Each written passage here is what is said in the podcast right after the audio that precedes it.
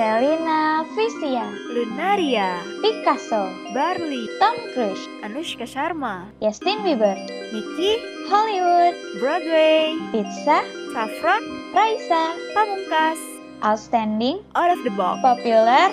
Unique, So, Welcome to Pop Uni, Selebgram.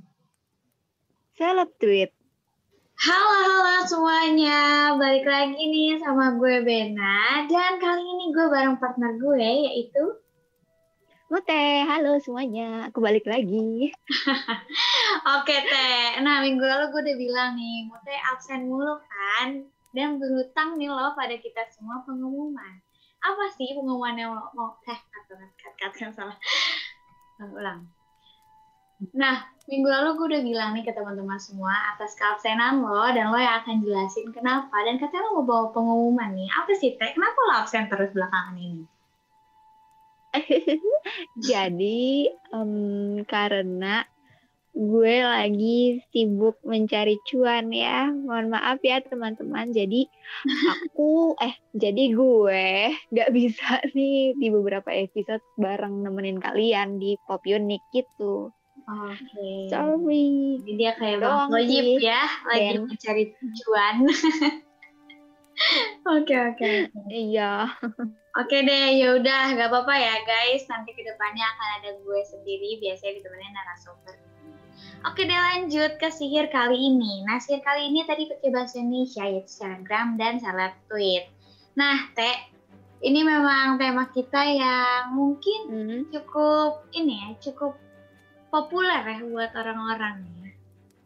Oke, gue setuju sama lo kalau eh, apa tema hari ini tuh lebih ke arah populer karena selebgram sama seleb tweet itu kan apa ya di media sosial kan dan media sosial tuh baru eh, naik daun tuh akhir-akhir ini kan. Benar-benar. Eh, tapi tapi btw btw kalau ngomongin soal seleb dulu kan kita tuh cuma tahu selebriti itu tuh dari kalangan artis, penyanyi gitu kan, pelawak dan lain sebagainya pokoknya tuh kayak sebelum media sosial ada seleb itu tuh orang-orang yang tampil di televisi jadi kayak eh, apa ya kalau misalnya kita pengen terkenal nih kita pengen famous ya tujuan kita ke TV gitu kan tapi Hmm. sekarang udah beda tuh ya nggak Ben? Iya, setuju setuju. Nah, zaman sekarang tuh kayaknya gak usah masuk TV tuh udah bisa terkenal ya, Teh.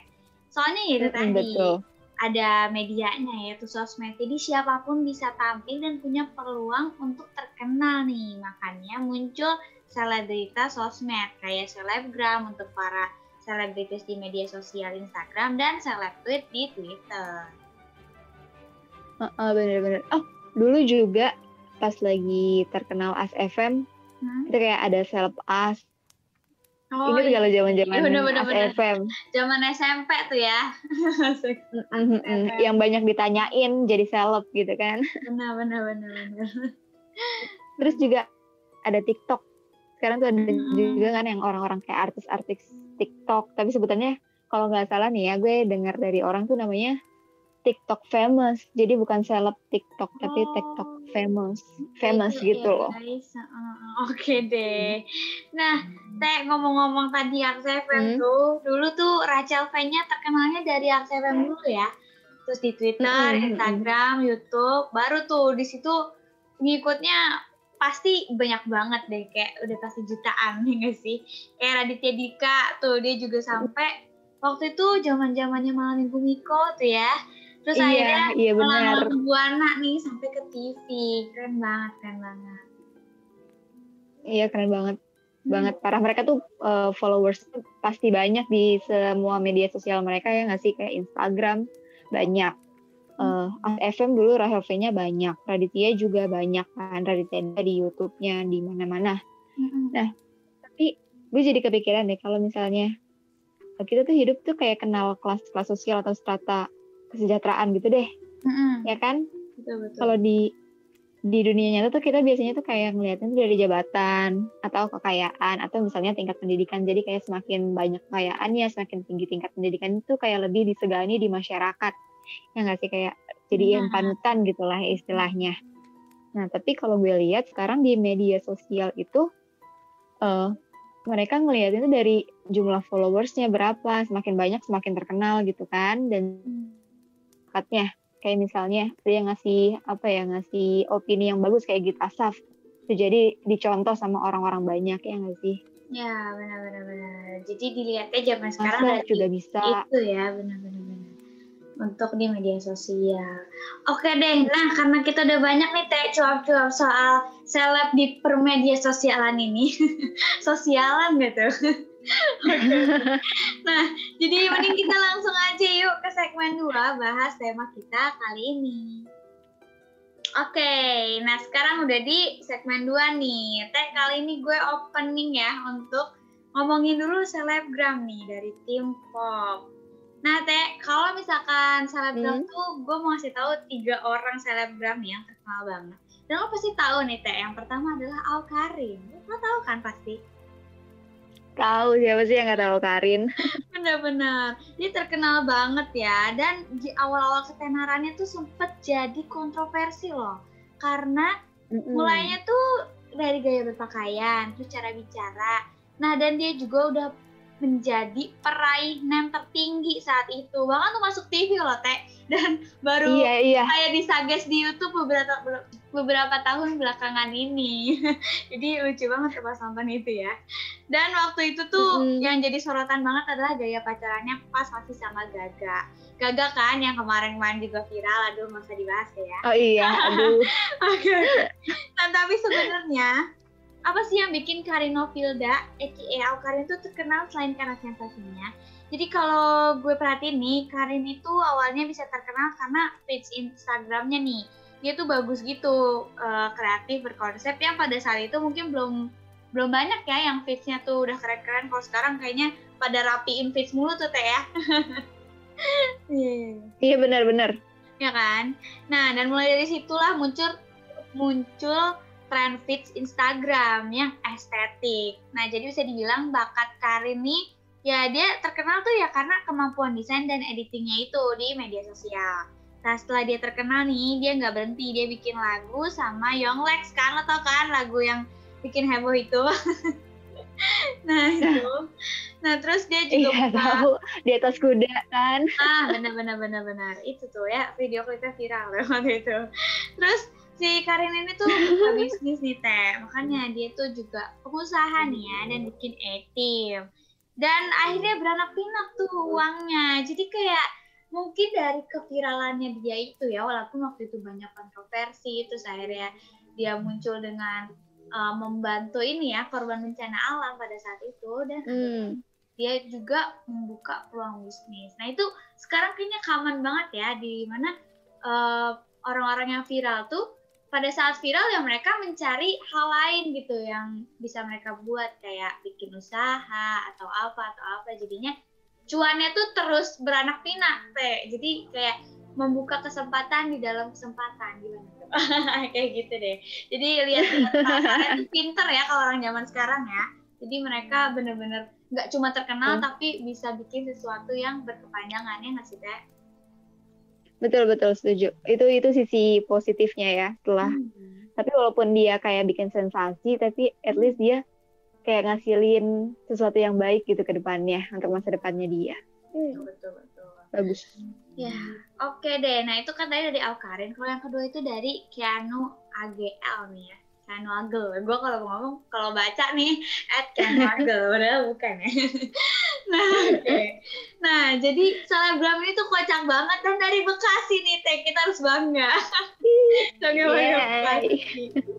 Dan akhir-akhir ini tuh lagi happening banget nih ya. Omongannya tuh ceplos-ceplos dan agak kasar ya. Cuman ya malah menjadikan dia tuh viral. Karena orang-orang kayaknya karena mungkin gue bisa tarik kesimpulan di tengah banyaknya fake, aduh fake ya tuh di media sosial. Ya Keanu ini muncul dengan kejujurannya yang sangat ceplos-ceplos, jadi itu yang bikin dia beda mungkin ya. mm -mm. Oke, okay, nah betul, terlepas betul. dari bicaranya yang kasar nih Teh, bakat sebenarnya dari seorang Keanu nih pelawak sih. Karena apa aja yang keluar dari mulut dia tuh lucu aja gitu. Kayak kata-kata kasarnya tuh bisa jadi ciri khasnya. Dan malah disukai banyak orang karena tuh dia lucu itu. Nah sisi lainnya nih yang gue bisa lihat dari Keanu itu dia suka banget. Makanya teman-temannya juga banyak. Dan dia tuh tahu cara apa ya kayak gimana cara bersosialisasi gitu loh. Makanya tuh gampang kenal sama mau yang udah selebgram dari lama atau yang teman-teman dia yang memang orang biasa juga. Jadi kayaknya apa ya gampang bergaul gitu. Seru aja sih lihat dia tuh. Dan menurut gue seni bersosial itu cut dan menurut gue seni bersosialisasi itu gak semua orang punya atau bisa. Jadi kayaknya itu modal tersendiri dari Keanu ya yang bikin dia tuh bisa udah diterima juga gitu loh bahkan sama netizen Indonesia teh ya gak sih?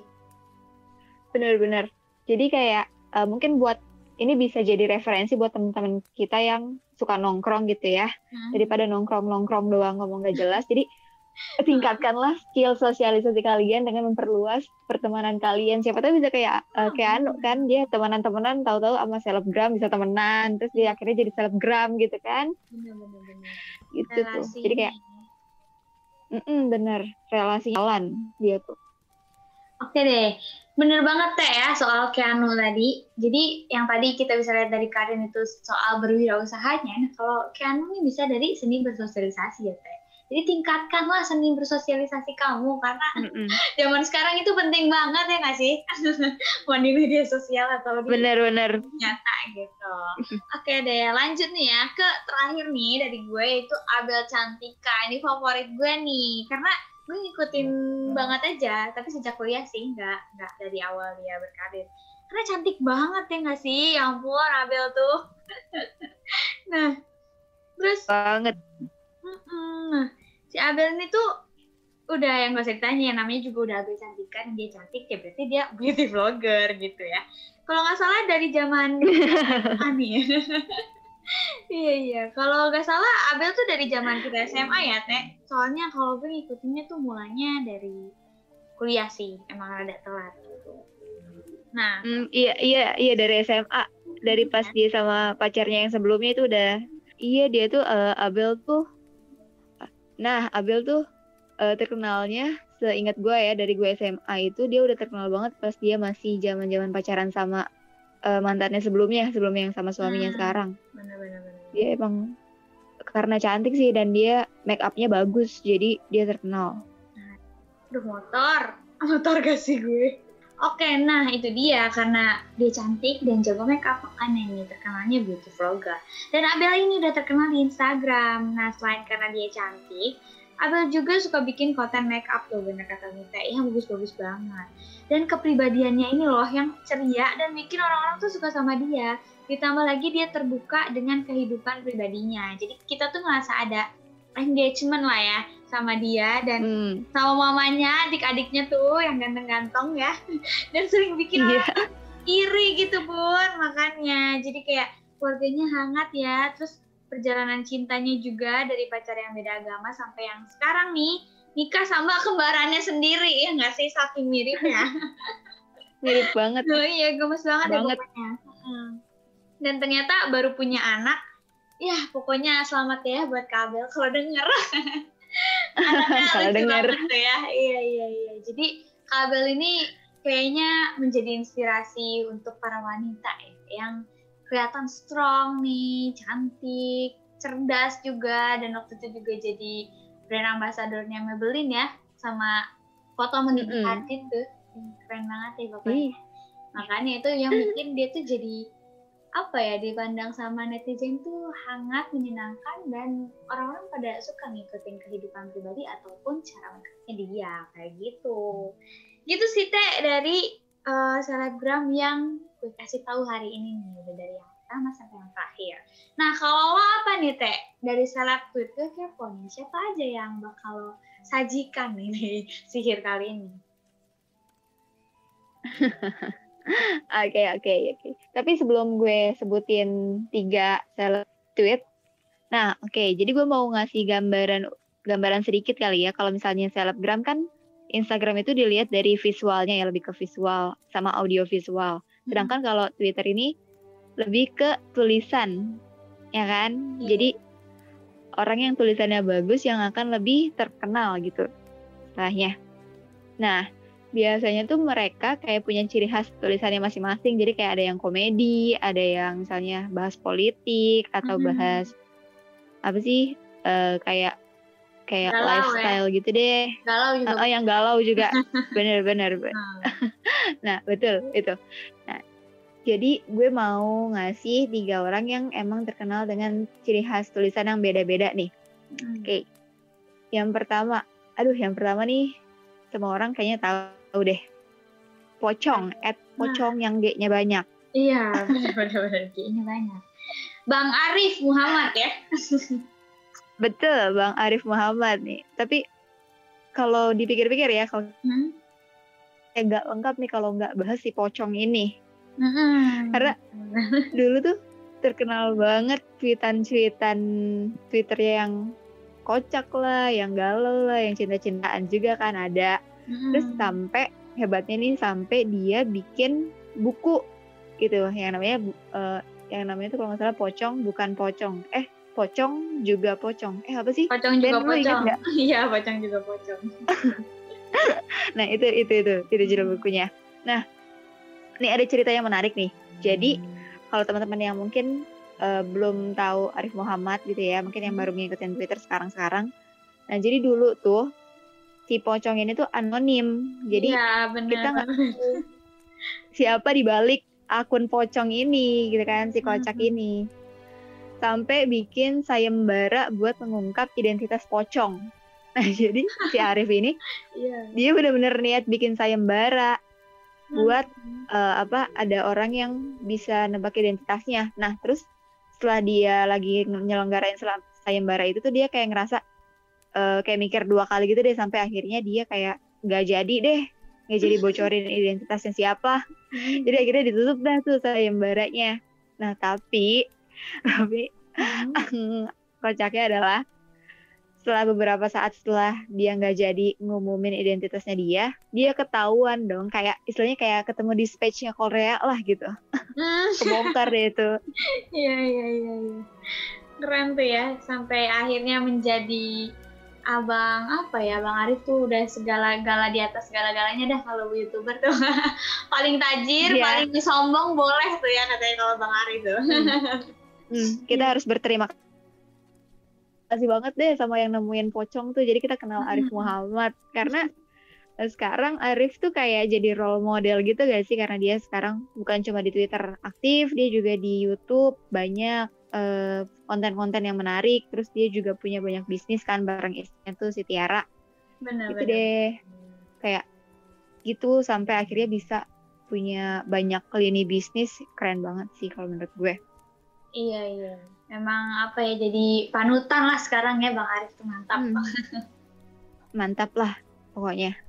Nah, terus yang kedua nih ada Andi Hiat. Mm-mm. Oke. Kalau kalau ingat Andi Hiat itu Mm-mm. yang yang terlintas di otak gue itu foto profilnya kayak cewek. Kayak dulu Iya, iya. banyak banget yang mempertanya, banyak banget yang bilang, ih gue kira cewek. Foto Rambutnya gara-gara foto soalnya ya. profilnya. Kamu tuh tuh Mm, badai. Bener-bener. Ih, badai banget. Bagus banget. Hmm, terus oh ya nih si Andi Hiat ini tuh ciri khas tulisannya tuh dia eh eh, apa ya bahas tentang kehidupan-kehidupan yang relatable sama kita gitu Mm-mm. tentang kehidupan sehari-hari tapi dibungkus dengan sesuatu yang kocak jadi kayak mungkin sebelumnya kita nggak eh, kepikiran terus tiba-tiba lah iya juga ya atau kayak ih ini yang gue rasain nih selama ini akhirnya ada Hmm. yang mengutarakannya Iya, gitu Relatable ya tweet-tweetnya tuh. relatable sering- Gue sering retweet soalnya. soalnya kocak-kocak tuh. Dan relatable. ya kan ya kan karena emang ranahnya dia tuh kayak yang orang-orang suka banget kayak seputar cinta terus ada sering yang ngenes-ngenes gitu lah Iya. cinta-cinta yang ngenes gitu Bener-bener. pokoknya pokoknya slice of life gitu dah gitu. Iya, iya. terus oh ya nih nih gue inget salah satu cuitan dia yang terkenal gitu ya Hmm. yang membekas lah buat gue salah satu cuitan yang terkenal dan membekas buat gue itu eh, satu-satunya kelebihan yang aku milik Nah, jadi ada salah satu cuitan Andi Hiat ini yang terkenal dan juga membekas di ingatan gue. Jadi, gini nih isi tweetnya. Satu-satunya kelebihan yang aku miliki adalah banyak kekurangan. Kayak Oh. pas gue baca itu kayak, wah, lah bener juga nih iya iya iya iya, iya sih ya bener sih saking banyak ya kekurangan orang gitu ya oke oke oke oke oke oke itu kayak gue masukin nih Andi Hiat harus ada di di list ini gitu. Nah, oke, setelah Arif Muhammad dan Andi Hiat, kita masuk nih ke perempuan. Kan dari tadi dua cowok doang kan. Nah, Mhm. sekarang nih ada yang perempuan nih.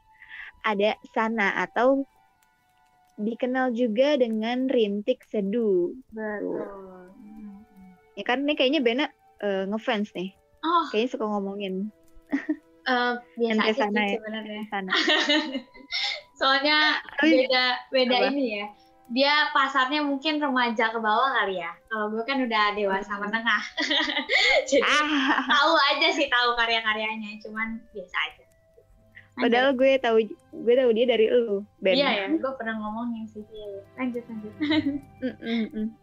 Nah, jadi sana nih eh, dia tuh terkenal dengan buku-buku dia karena dia tuh udah nebi- eh, nerbitin banyak buku Mm-mm. dan dia juga bikin podcast itu yang tadi yang namanya Rintik Seduh Benar. itu. Eh, dia tuh emang podcast itu kalau nggak salah apa ya?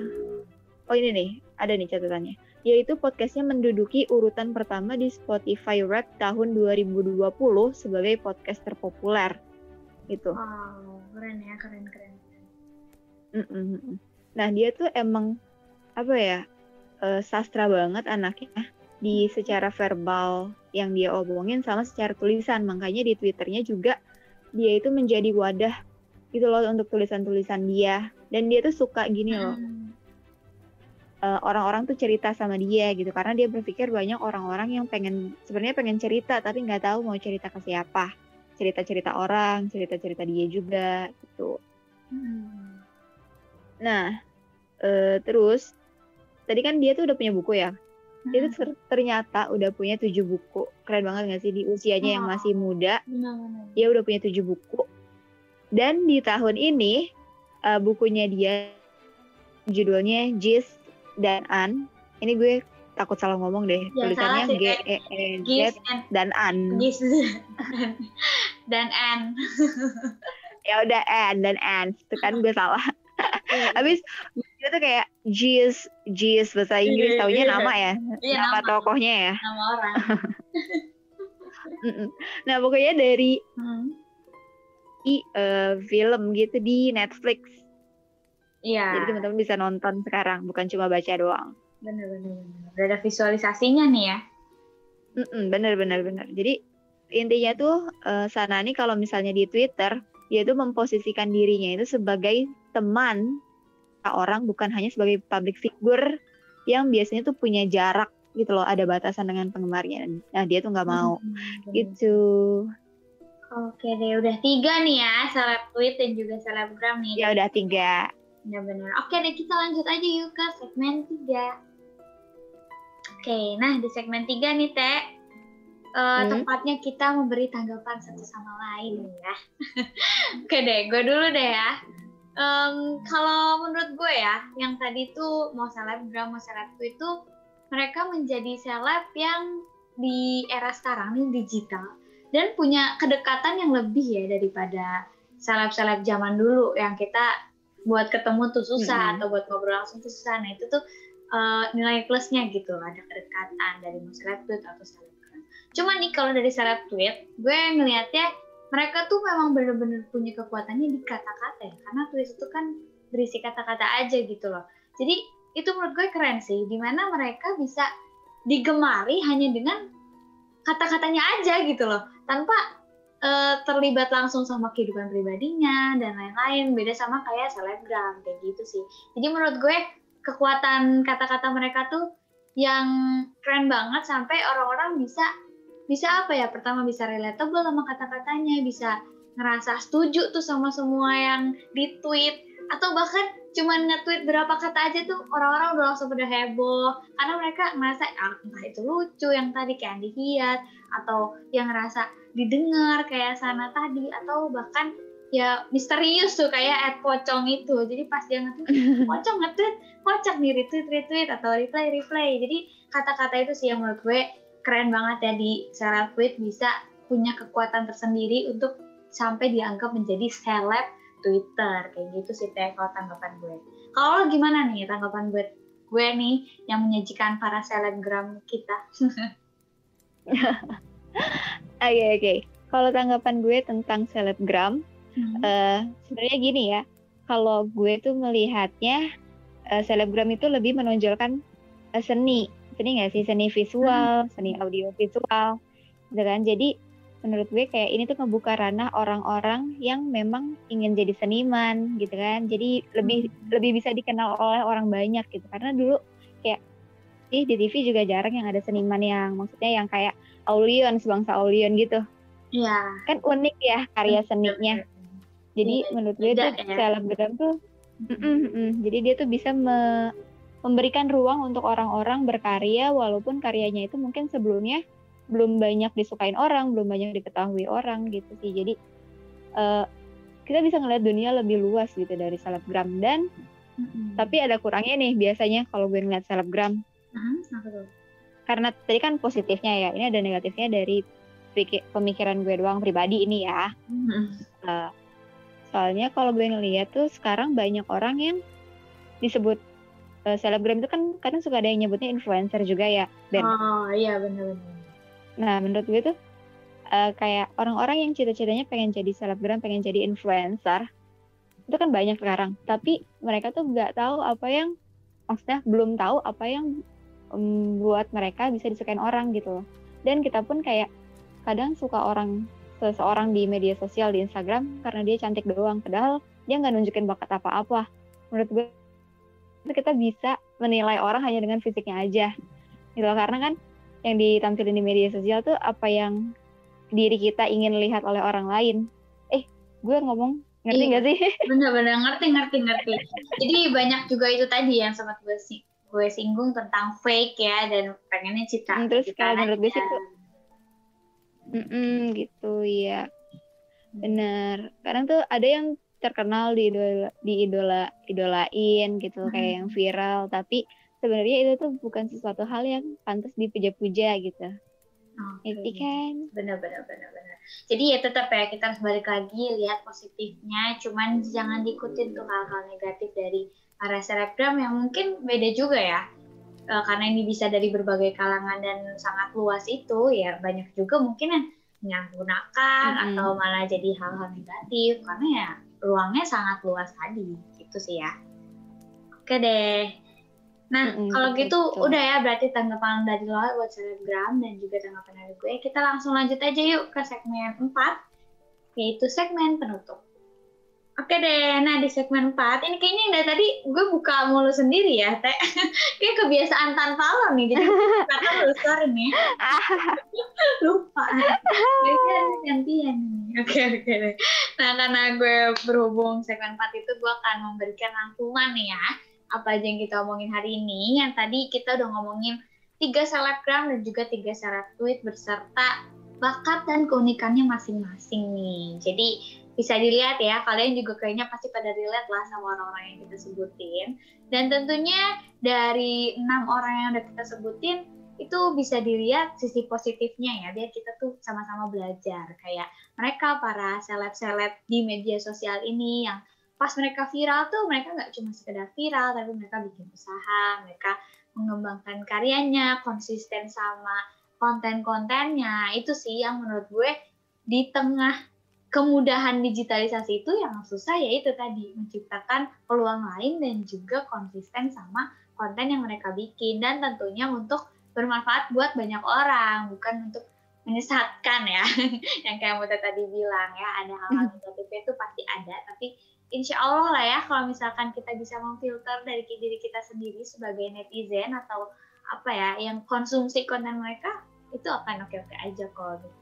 Jadi menurut gue keren-keren banget sih ya di mana adanya media sosial bisa menciptakan para seleb ini yang membuka ruang nih kata Muta tadi lebih lagi untuk berkreasi tapi tentunya harus dibarengin dengan tanggung jawab nih dari tiap uh, orang yang membuat kontennya itu. Karena kan yang nonton seluruh bisa jadi seluruh Indonesia dan seluruh dunia ya teh. Nggak hanya terbatas mm -hmm. di mana aja gitu. Jadi tanggung jawabnya itu gede banget sih kata gue oke deh gitu aja rangkuman dari gue semoga podcast hari ini bermanfaat.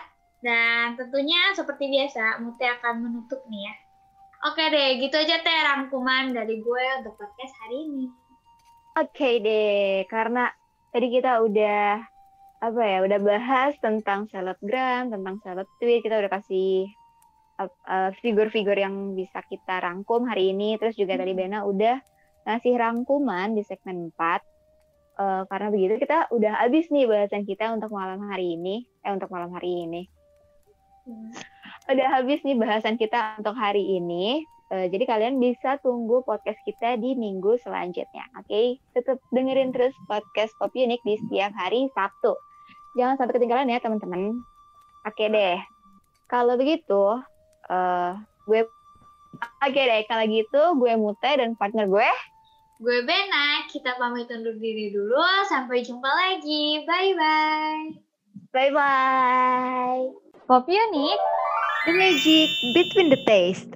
Iya, Fe. Kratia.